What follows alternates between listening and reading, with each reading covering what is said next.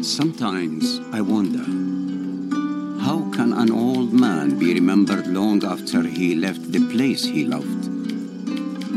What I have witnessed during my life must not be forgotten. De vader van de Iraakse fotografie wordt hij genoemd, Latif Al-Ani.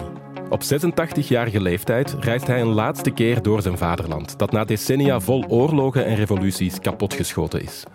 Filmmakers Jurgen Buts en Sahim Omar Khalifa volgden hem op die tocht. Ik ben Raf Njotea en in deze aflevering van Voorproevers praat ik met beide heren over de film die ze erover maakten. Iraq's Invisible Beauty.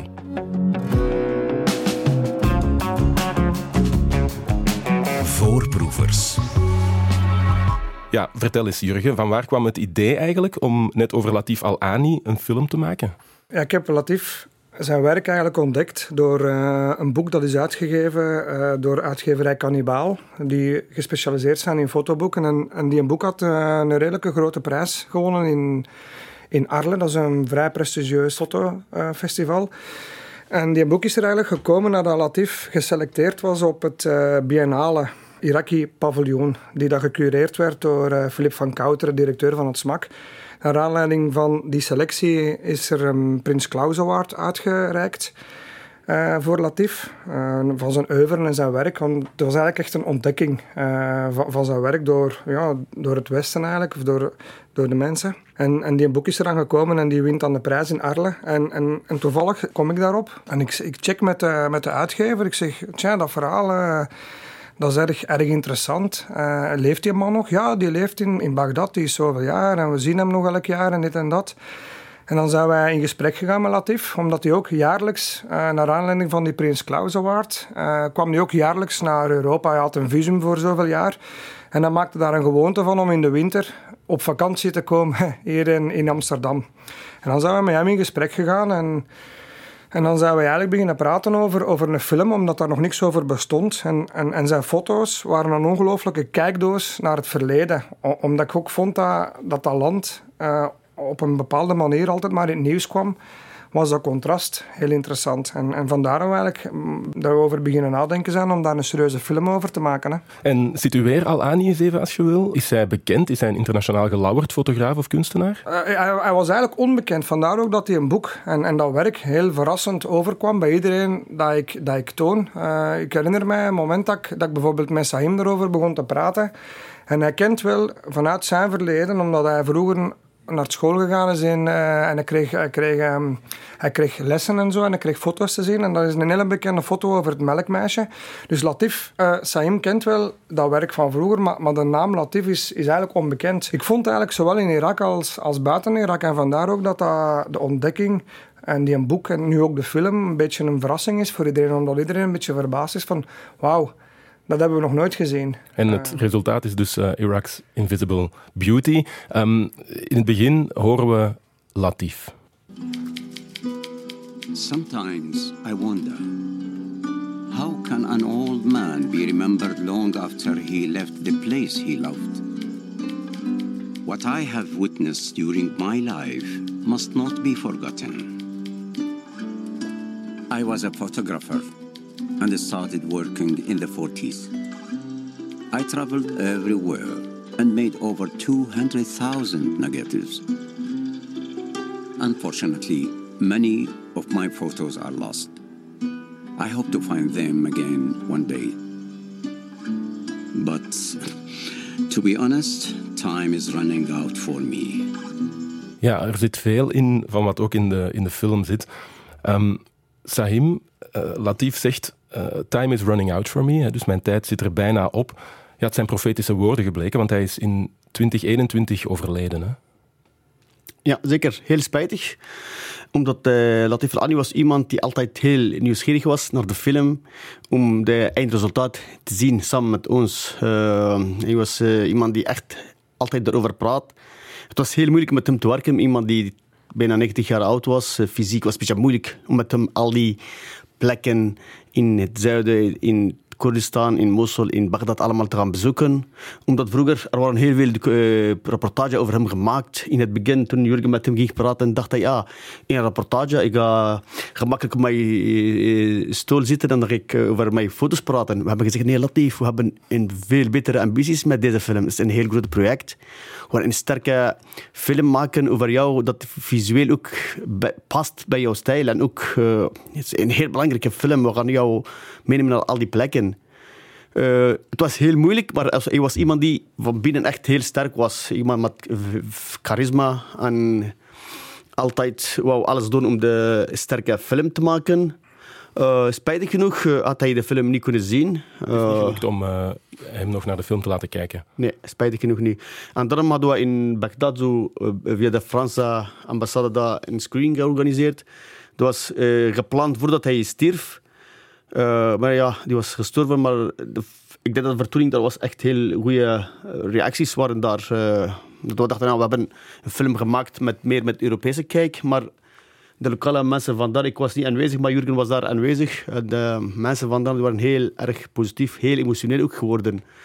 Omdat, ja, ik, ik heb ook door Latif Al-Ani ben ik mijn eigen land proberen een beetje beter te leren kennen. Ja, want je, bent met hem, uh, jij hebt met hem rondgereisd. Wat voor iemand was hij? Latif Ani is, is iemand altijd die van, echt van leven houdt.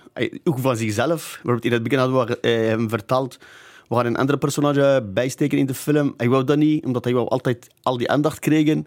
Ook over mijzelf, toen we naar mijn dorp gingen, uh, over een van zijn foto's te praten. Hij zei, hoor ben ik hier? Ik zei, ja, het uh, gaat over mij. Het link tussen mij en jou. Jouw eerste foto die ik toen gezien heb, is een heel iconische foto. Een meisje met een fles, melkfles in haar hand. Haar ogen, haar ogen zijn dicht. Hij zei, ja, maar dat foto is van mij. Waarom? Ik heb hem verteld dat gewoon om de link tussen ons te maken. Dus hij, hij was iemand die alles uh, voor hemzelf wou hebben. Hij is iemand zo... Ik vind het ook mooi uh, aan de andere hand, eerlijk gezegd. Ja, en hij heeft ook heel veel foto's genomen. 200.000 negatieven, hoorden we. Uh, 200.000 foto's, dat is gigantisch veel. Aan het einde van de film komt er ook een boodschap dat er nog een 2000-tal misschien bewaard zijn gebleven. Ja, hoe, hoe komt dat?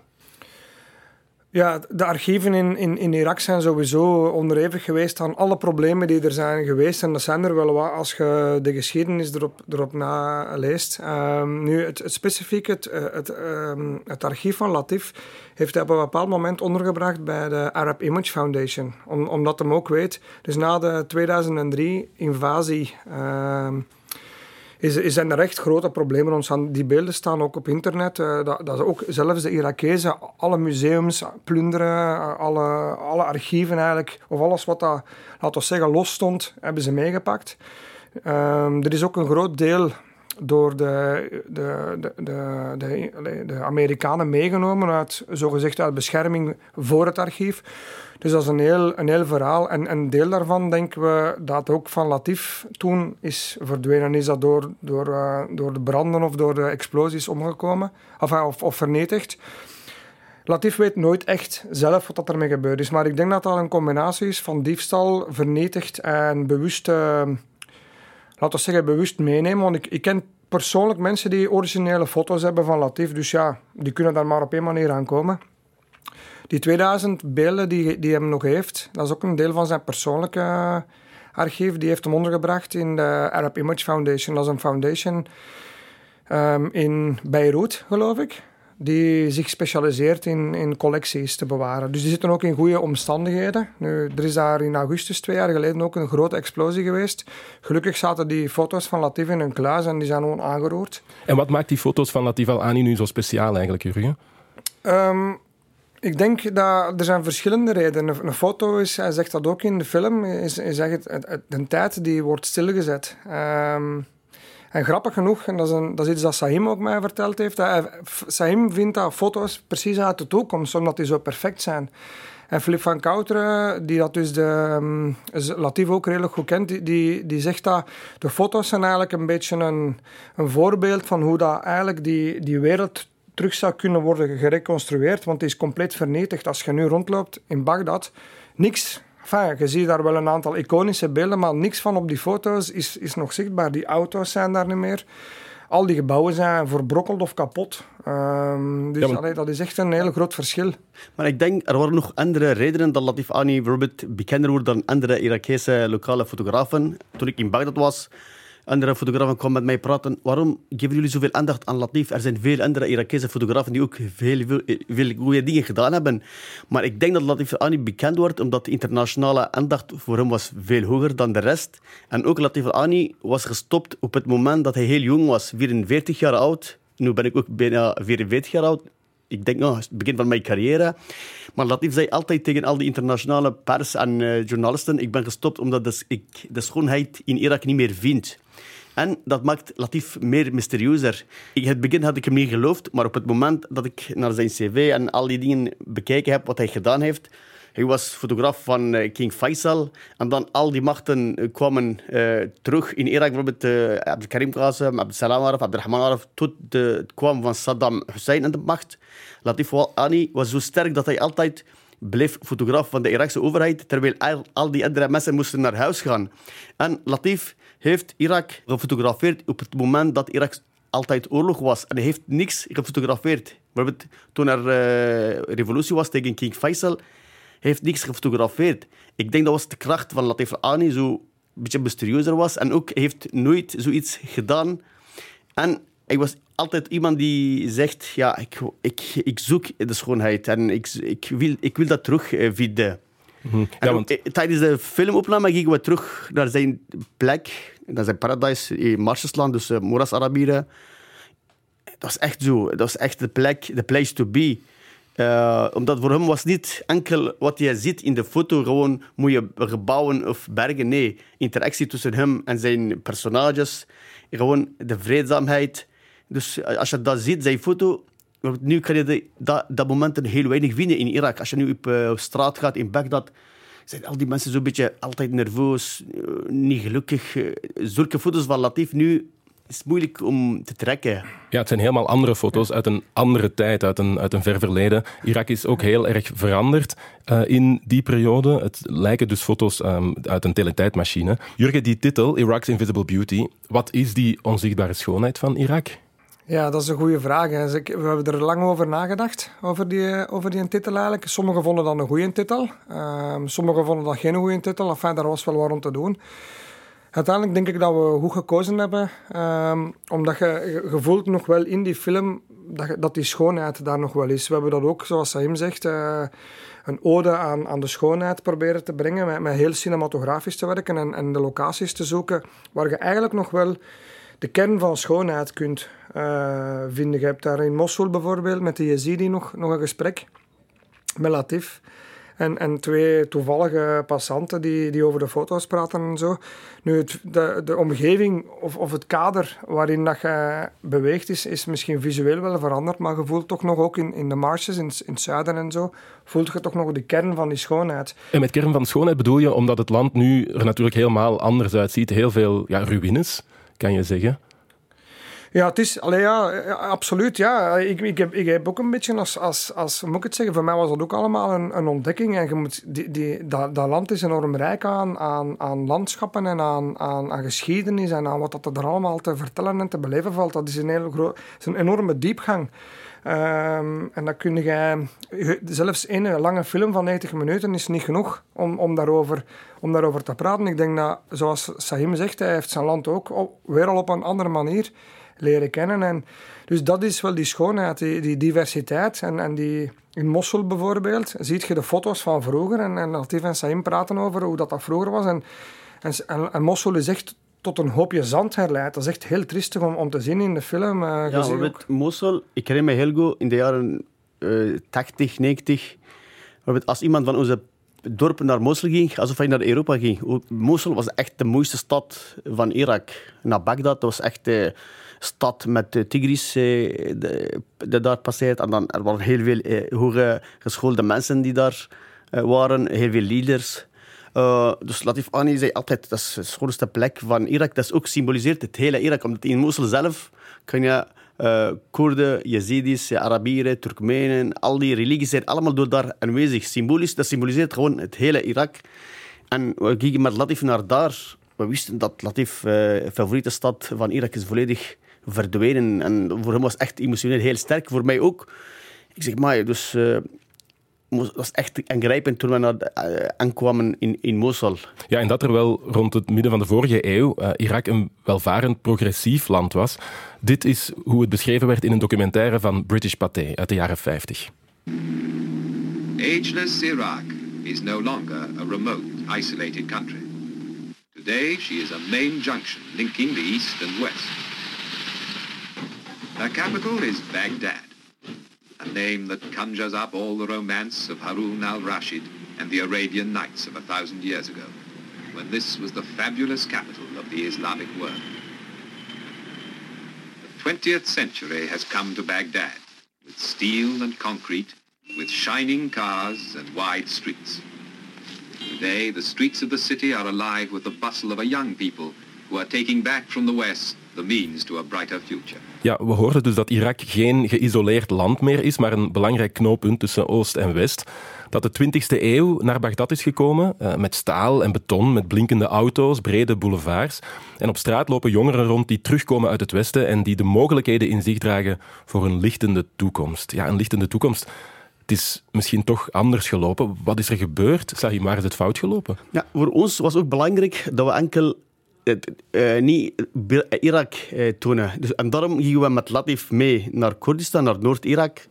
Omdat Erbil en Koerdistan voor 90 was gewoon een dorp te vergelijken met Bagdad en Mosul. Maar nu de, beste plaatsen in Irak vind je allemaal in Koerdistan. En daarom wouden we aan de kijker geven, en nee, in Irak is niet alles kapot. Erbil, Dohuk, Zago zijn altijd steden die de laatste 20 jaar, 30 jaar erg ontwikkeld zijn. En hoe komt dat? Ja, omdat uh, ja, Saddam Hussein was een dictator. Die heeft altijd uh, oorlogen uitgevoerd. En ik denk dat was ook de reden dat Latif was gestopt. Was met zijn uh, passie, fotografie. En dat was zijn liefde. En omwille van de macht van Saddam Hussein en het Ba'ath-regime was hij het land gevlucht. Omdat toen heel veel mensen worden opgepakt. Ah, je werkt misschien voor de geheimdiensten van, de, van Israël of Amerika. En Latif was toen ook gestopt. En omwille van al die problemen was Irak gewoon ja, kapot gegaan. Vooral, ik ben ook geboren in de jaren 1980. Eh, Tot 2001 ben ik daar gebleven. We hebben zoveel oorlogen gemaakt, enkel in die korte periode. En daarom vonden we allemaal zo Latif super interessant, omdat Latif kan je niet losmaken van Irak zelf. Latif was geboren toen Irak uh, uh, zo onafhankelijk werd.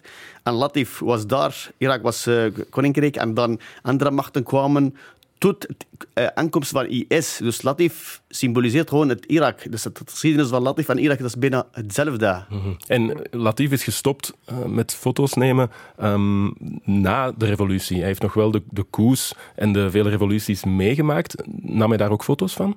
Ja, maar toen uh, al-Baath-regime aan de macht kwam, het was uh, vroeger Ahmed Hassan al-Bakr, dat was uh, voor Saddam, maar Saddam had, had toen al de macht. En situeer dat eens even, wanneer, wanneer spreken dat was, we? Dat was in eind... Uh, 68 is ja, 68. Ja. 68. Ja. Maar Saddam kwam aan de macht in 79, dus tien jaar later. Maar Saddam, daarvoor had hij heel veel macht. En Latif was slim. Hij zag dat heel veel mensen worden opgepakt. omdat die waren... Hij zegt, ja, ik kon niet doen wat ik wou. Ik kreeg geen vrijheid meer. En daarom was hij gestopt. En, en dat was raar dat hij zo in op jonge leeftijd gestopt was. Ja. Om nog even in te pikken op uw vraag, wat is daar misgelopen? Er zijn heel veel dingen misgelopen, maar als je kijkt naar, naar de basis, dat hebben we ook gebruikt in de film, omdat je toch op een bepaalde manier een geschiedenisles moet brengen van een land dat heel complex in elkaar zit en er zijn heel veel problemen. Dus, dus Latif heeft de koning ook meegemaakt. En, en die koning werd, die was heel jong, hè. Faisal, die was misschien twintig of, of, of, daar rond. En, en die werd geïnstalleerd door... 12 jaar, ja. Door de Engelse, door de Engelse en of de buitenlandse zogezegde machthebbers of de mensen die dat daar de regels beschreven. En dus dat was eigenlijk geen, uh, geen democratisch gekozen machthebber. Um, en op een gegeven moment, dus in de eerste jaren van de revoluties, 58 hebben ze eigenlijk gezegd van Irak wil onafhankelijkheid en wij willen die koning niet. Want die koning dat is een, een, een puppet van, van de Engelsen of van de Fransen of van, van de West. Hebben ze die brut vermoord, uh, generaal Qassem. Ja. En was die koning populair, Faisal? Volgens mij was die heel populair in de zin van, je ziet, je ziet die beelden, die zijn allemaal ook gefotografeerd en gefilmd door, allemaal op 35 mm. Door, dat wordt ook allemaal door, door de Engelsen heel, heel goed in beeld gebracht. Dus al die beelden zijn Maar beschikbaar. misschien, misschien was, was niet iedereen blij met, de, eh, met King Faisal. Maar nu, ik denk dat nu bijna alle Irakezen weten zeker, als hij gebleven was, was Irak niet Ja. zo ver gekomen. Kijk naar eh, Jordanië. De king van Jordanië is zijn neef. Maar nu, Jordanië is een arme land, maar de situatie is veel beter dan Irak. Ik bedoel, Latif Ja. zei altijd, ah, als we eh, de king niet weggedaan hebben, dan waren we veel beter geweest. Ja. Veel beter dan Saudi-Arabië of Dubai of al die landen, de buurlanden. Ik denk dat ze wel blij waren met je koning, omdat daar vrede was en veiligheid. Er was een georganiseerde structuur. Daar, daar waren invloeden van, van buitenaf, zoals die, die, die, die, die, die wagens, die technologie. eh, die, die, er waren heel veel toeristen, dus daar was een ongelooflijk systeem. En dan hebben ze eigenlijk, zijn ze overgeschakeld, dus ze hebben dan een coup gepleegd. In 58 hebben ze daar iedereen, of hebben ze die vermoord. En ik denk niet dat er een duidelijk plan was. Er waren heel veel mensen die dan ineens denken van oké, wij, wij zijn nu aan de macht omdat wij die hebben overmeesterd. Maar goed, na 58, vier jaar later, 62, is er de volgende coup. Nog, nog iets later eh, is er weer al een, een, een overmacht. En dat is altijd op een agressieve manier gebeurd. Tot en met zelf 2003, de, de invasie van de Amerikanen, waarna dat ze zogezegd de democratie hebben willen introduceren in, in Irak. Dat is ook op een gewelddadige manier gebeurd. Je hebt gezien, daarna zijn de jaren van IS gekomen. Dat is ook altijd gepaard met agressie. Dus ik denk dat daar nooit echt een plan achter zit. ehm, of alleszins misschien toch geen plan die dat voor iedereen interessant is. En Latif zegt het ook in de film. Lat- Saim vraagt aan hem, is, is olie het probleem van, van, van deze regio? En Latif zegt, man, olie is op zich niet, niet het probleem. Er zijn 400 partijen die allemaal macht en geld willen. En dat is een soort van conflict. Die geraken er niet over eens over hoe dat ze dat hier gaan organiseren. En, en, en, en dat is eh, volgens mij het basisprobleem. Ja, en dus na die ehm, eerste revolutie, waarbij koning Faisal in 1958 omgebracht werd, ehm, is er dus een opeenvolging gekomen van coups en tegencoup en, en revoluties. Ehm, het is opvallend dat Latif zelf eigenlijk ja, al die regeringen en al die revoluties redelijk goed is doorgekomen, redelijk goed is, eh, heeft doorzwommen. Hij was eigenlijk apolitiek. Ja. ja, absoluut. Latif wou daar niks mee te maken hebben met politiek. En we zijn er ook wel wat van weggebleven met de film, omdat als je ergens in een mijnenveld wilt stappen, eh, dan moet je het over politiek hebben als je in Bagdad aankomt. Dus dat is heel, heel sensitief en heel gevoelig. En ik denk dat dat de kracht was van Latif. Die was echt bezig met zijn fototoestel, met een grootbeeldcamera, met zijn, met zijn kunst. Hij is zichzelf... Ik dacht dat ook in het begin, toen ik er de eerste gesprekken mee had, dacht ik van, de, het politieke luik aan, aan zijn leven is interessant. Maar Latif zei ook... En ik voelde al direct dat hij zichzelf een kunstenaar vindt. En, en dat is de kracht, denk ik, van, van het overleven. Die kunst die is voor iedereen interessant. Of dat ze dan gebruikt wordt in de propaganda van iemand, of, of, of, voor iemand zijn beeld. Dus dat, dat is de kracht van Latif. Hij had het nooit over politiek. Hij had, hij had er misschien wel een mening over, maar hij wou die zeker in de film, of, of eigenlijk wou er nooit over praten, denk ik. Hassan. Ja, hij praat heel veel daarover. Als er geen camera er was. Maar als hij op straat in Mosul, er was een scène in Mosul, al die mensen kwamen met hem praten en het waren allemaal zo kritisch. Maar Latif was heel voorzichtig. Daarvoor heb ik ook met Latif daarover gehad. Eh, Latif, je mag een beetje durven zeggen wat je voelt, eh, wat je in je hart hebt, moet je gewoon met de mensen daarover praten. Maar ik denk, hij was zo voorzichtig en diplomatisch. Ik denk dat was de reden dat hij zo altijd met al die machten bleef werken, eh, tot Saddam aan de macht kwam. Maar Latif was zeker uh, heel erg tegen de Irakse regime en was, hij was heel voorzichtig daarmee. Hij zei, ja, ze hebben mij soms gebeld. Ah, Latif, uh, leef jij nog? Ik zei, ja, waarom, waarom was dat belangrijk? Ah ja, omdat ze moeten mijn pensioengeld uh, stopzetten. Dan ze me altijd uh, naar mij gebeld, leef jij nog? Hij was heel voorzichtig voor zijn familie, omdat Irak, je kan niet vergelijken met België. Als je in Irak tegen de overheid bent, dat kan zijn dat jouw -huh. zelf of jouw familie problemen daardoor zou krijgen. Ja. Ik ben ook van Irak, ik ken dat wel. Ik begrijp hem wel. Ja, want je bent van uh, Iraks Koerdistan, als ik het ja, juist ja. heb. Ja, uh, hoe, hoe, waar, dat is in het noorden van uh, Irak, een regio... Ik ben van Zago, dus Zago is een stad, het ligt aan de Turkse grens, in de provincie Duhok. vijf uur rijden van, Mos, van, van Bagdad met de auto. Dus zoals ik daaruit zei, dus Irakse Koerdistan is bijna onafhankelijk land geworden. Dus ze hebben een eigen overheid, eigen parlement, eigen leger zelfs. Het uh, ministerie van Defensie ook independent, uh, uh, zelfstandig. En daar is de situatie veel erg veranderd. Maar als je het zegt tegen een Koerd, ben je pro-Amerikaans. Het kan misschien durven zeggen, ja, ze hebben ons bevrijd. Mm -hmm. Koerdistan is nu veel beter geworden. Maar tegen iemand van Centraal-Irak of Zuid-Irak, dan gaan ze zeker er tegen zijn. ik zelf, ik vind, oké, ze hebben heel veel, ze hebben Irak kapot gemaakt. Maar als ik kort daarover sprak, dat er zijn wel eh, goede dingen aan het gebeuren. Maar ja, het land is echt eh, eh, bijna kapot, En- volledig. En hoe noem jij jezelf dan? Noem jij jezelf een eh, Iraakse Koerd of, een, of Koerdisch of Belgisch of Irakees? Ja, ik ben een Koerdische Belgische regisseur. Maar ik ben, ik, ik ben trots op eh, mijn Iraakse nationaliteit. Eh, ja, als ik ergens naartoe ga, als ik, iemand mij vraagt... eh, Waar ben ik? Ik ben, ik ben eh, Koerd. Ah, welke gedeelte van... eh, welk land? Ik moet toch zeggen Irak. Dus het moet altijd eh, dat identificeren.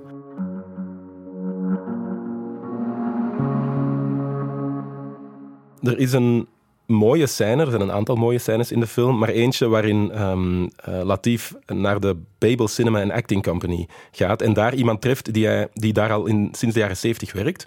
En Latif toont hem een oude foto van het gebouw, eh, dus een foto die hij genomen heeft destijds, en zegt, ja sorry, het is een gedateerde foto. En die man antwoordt, ja, de foto, die oude foto is eigenlijk het origineel en het heden is gedateerd. Dat vond ik wel een heel mooie uitspraak. En ja, dat zegt heel veel over hoe de mensen eigenlijk naar die foto's van Latif nu kijken. Ja, zoals ik zeg, dat is ook een beetje dat, dat toekomst. Allee, ik zeg het, dat is bijna science fiction, die beelden die van Latif. Die zijn zo perfect belicht, die kwaliteit is zo ongelooflijk. En, en als je nu naar de laatste 50 jaar, laat we zeggen, is dat, zijn al die gebouwen kapot en, en is dat echt prikkeldraad en rommel. En, en vroeger was dat zo niet. Dat is precies alsof dat voor die foto van Latif alles is opgekuist en alles mooi gemaakt is. En ik denk dat de, een bepaalde generatie van Irakezen dat ook wel zo aanvoelen. Die leven al zodanig in die, in die negativiteit of in die, in die problemen, dat die in feite die foto zelf ook wel als, als toekomst zien. En dat was ook een beetje het idee toen we de film aan het maken waren. Latif hoopt dat ergens ook, dat zijn foto's nut hebben, want Verder is nu, nu is iedereen fotograaf. Er zijn ongelooflijk veel beelden, maar die, foto, die foto's van Latif zijn op die manier uniek dat, dat die toch wel een beetje, we hebben dat ook zo verwerkt in de film, hoopvol zijn. Een beetje als voorbeeld, of als, laten we zeggen, maquettes misschien om stel dat gebouw, want bijvoorbeeld Corbusier heeft daar een gebouw eh, ontworpen in, eh, in Bagdad die foto's zijn een beetje bedoeld om ze terug te maken zoals ze zijn. Want veel van die structuren staan er nog wel. Enfin, veel. Toch een aantal mooie structuren. En met een beetje goede wil en de nodige inspanningen en de financiën kun, je- kun je dat terug reconstrueren. En ik denk dat de meeste mensen daar wel wat op hopen. En vandaar ook wel een beetje de hoop in die foto's hebben willen zien en, en in die film willen brengen. Ja, en je zegt dat eh, veel mensen zich herinneren hoe het vroeger was, maar toch ook veel mensen die het niet wisten en die verbaasd zijn door die foto's van eh, Latif. Ja, bijvoorbeeld, ik ben zelf van Irak. Dus eh, toen ik zijn foto's zag, ik was echt enorm gechoqueerd. Ik wist het oké dat Irak vroeger veel beter was. Maar toen ik zijn foto's allemaal eh, zag, er waren duizenden foto's. Ik zeg tegen mijzelf, als Latif geen fotograaf was, dan had ik hem misschien niet geloofd. Maar omwille van het feit dat echt foto's waren, hij had bewijzen, dat ik hem wel geloofd. Maar wat eh, wel interessant was, Latif was altijd optimistisch. Hij zegt altijd, ik ben zeker dat Irak gaat terug eh, groeien en terug beter worden. En als ik kijk naar de laatste drie jaar of twee jaar, ik denk dat het bijna aan het gebeuren is. We waren naar Irak geweest de laatste eh, vier jaar heel veel. En elke keer wordt het beter en beter. Toen we naar daar gingen, eh, we hadden, geen, eh, we hadden wel visum en ze hebben op de, ons op de luchthaven tegengehouden. Ze hebben terug naar Is daarheen gestuurd. Ja. Maar toen Paus naar daar ging, heeft gezegd, ja, Irak dat is Mesopotamia, jullie moeten mensen laten, laten, hier laten komen, Europese en internationale toeristen. En dan, Ja. eh, de visum was eh, afgeschaft, dat was veel beter. Ik ben later waarschijnlijk keer naar daar gegaan. Je, je ziet heel veel eh, Europese en internationale gasten op straat in Bagdad, waar vroeger vier jaar geleden zelf, ik zelf niet gedurfd had eh, om naar daar te gaan. Latif zei altijd, ik ben zeker dat gaat eh, terug goed komen, die dagen die ik had. Ja, optimistisch en, ook wel een heel duidelijk beeld van wat schoonheid precies is, volgens hem. Hij wou geen lelijke dingen fotograferen. Ehm, ik herinner mij een scène, Sahim, waarin jij met eh, Latif door een eh, heel mooie, moderne wijk van eh, Erbil de stad rijdt ehm, en aanwijst dat er wel degelijk nog schoonheid bestaat in Irak. Maar hij vindt die moderne flatgebouwen uit beton en staal maar niks. Ja, ik denk dat Latif wel gelijk daarin had. Toen ik met hem al die plekken gaan bezoeken, Latif bedoelde niet gewoon mooie gebouwen, eh, bergen, nee. Dus in de in de interactie tussen hem en de personage en de be- bescheidenheid van de mensen en de vreedzame gezichten. En eh, dat is voor hem wel belangrijk.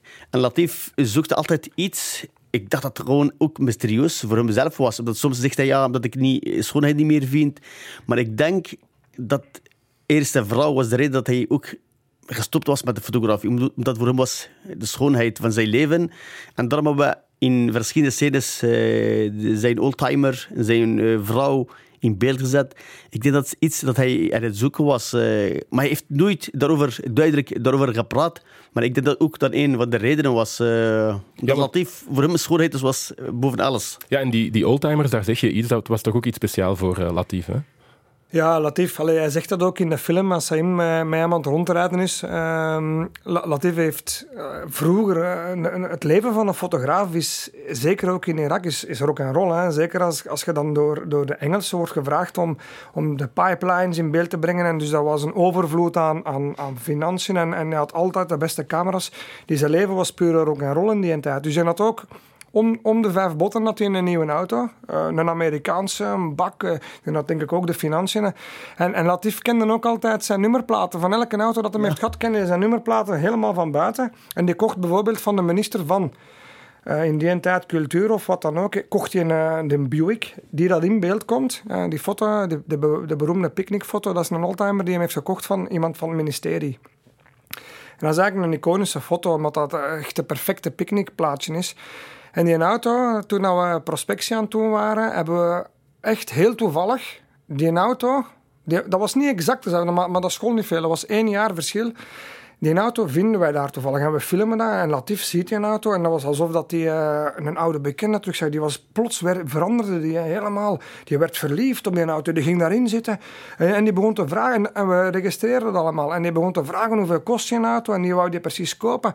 Dat was echt, dat was echt ongelooflijk, dat was liefde op het eerste gezicht. En dan hebben we beslist om die auto te gebruiken uh, om Latif ook een beetje de oude liefde terug te laten ervaren. En, en, dat werkte wel. Hè. Saim is dan de chauffeur. Ja, dus jij rijdt hem rond door... Uh, door ja, zeker. We hebben bijna 2000 kilometer met hem gereden. Dat was een super moeilijke tocht. Vooral uh, met de oldtimer te rijden was niet makkelijk. Maar ik denk dat het de moeite waard was, omdat Latif was uh, zijn herinneringen het zoeken. Zo'n schoon momenten van zijn leven. Dus die auto, oldtimer, zijn vrouw, zijn, auto, zijn fototoestel. Ja. En ook op het einde van de film ja, begint foto's te trekken. Dat is schoonheid wat hij zoekt. En eh, vroeger dacht ik, ah, dat gaat wel moeilijk zijn, maar dat was echt een van de mooiste scènes van de film geworden. Dat hij terug de schoonheid vindt, dat hij terug uh, hoop geeft uh, aan mensen. Ja, Latif heeft ook heel veel, hoeveel kilometers heeft hij gereden in een auto en hoeveel heeft hij, die heeft meer in, in, op, rondgereden. En hij zegt dat ook, hij was dus in Amerika in de jaren 60 en hij heeft toen, heeft toen in, een paar dagen tijd heeft hem door gans Amerika gereden. Dus die, die, of, of in, hij heeft in België een, een cursus fotografie gevolgd, kleurenfotografie, en, en dan kocht hij meer een auto en dan reed hem op het gemakske terug naar Bagdad in twee, drie dagen. Dus toen was het allemaal heel logisch. Nu, nu is het onmogelijk om dat in te denken, maar, maar Latif die deed dat allemaal en die, die kon gaan en staan waar een wou. En, en door zijn job kwam het hem ook overal, in al die landen. Duitsland, uh, enfin, die, heeft, die heeft ongelooflijk uh, reizen gemaakt. Allemaal met een auto. Wat is schoonheid volgens Latif Al-Ani? Ja, voor hem, de schoonheid was dat wat hij zoekt. Dus uh, voor hem was gewoon de interactie tussen hem en de personage. En vreedzaamheid en simpele leven en geen complexe toestanden en natuur. De combinatie tussen natuur en de mensen, ecologische leven.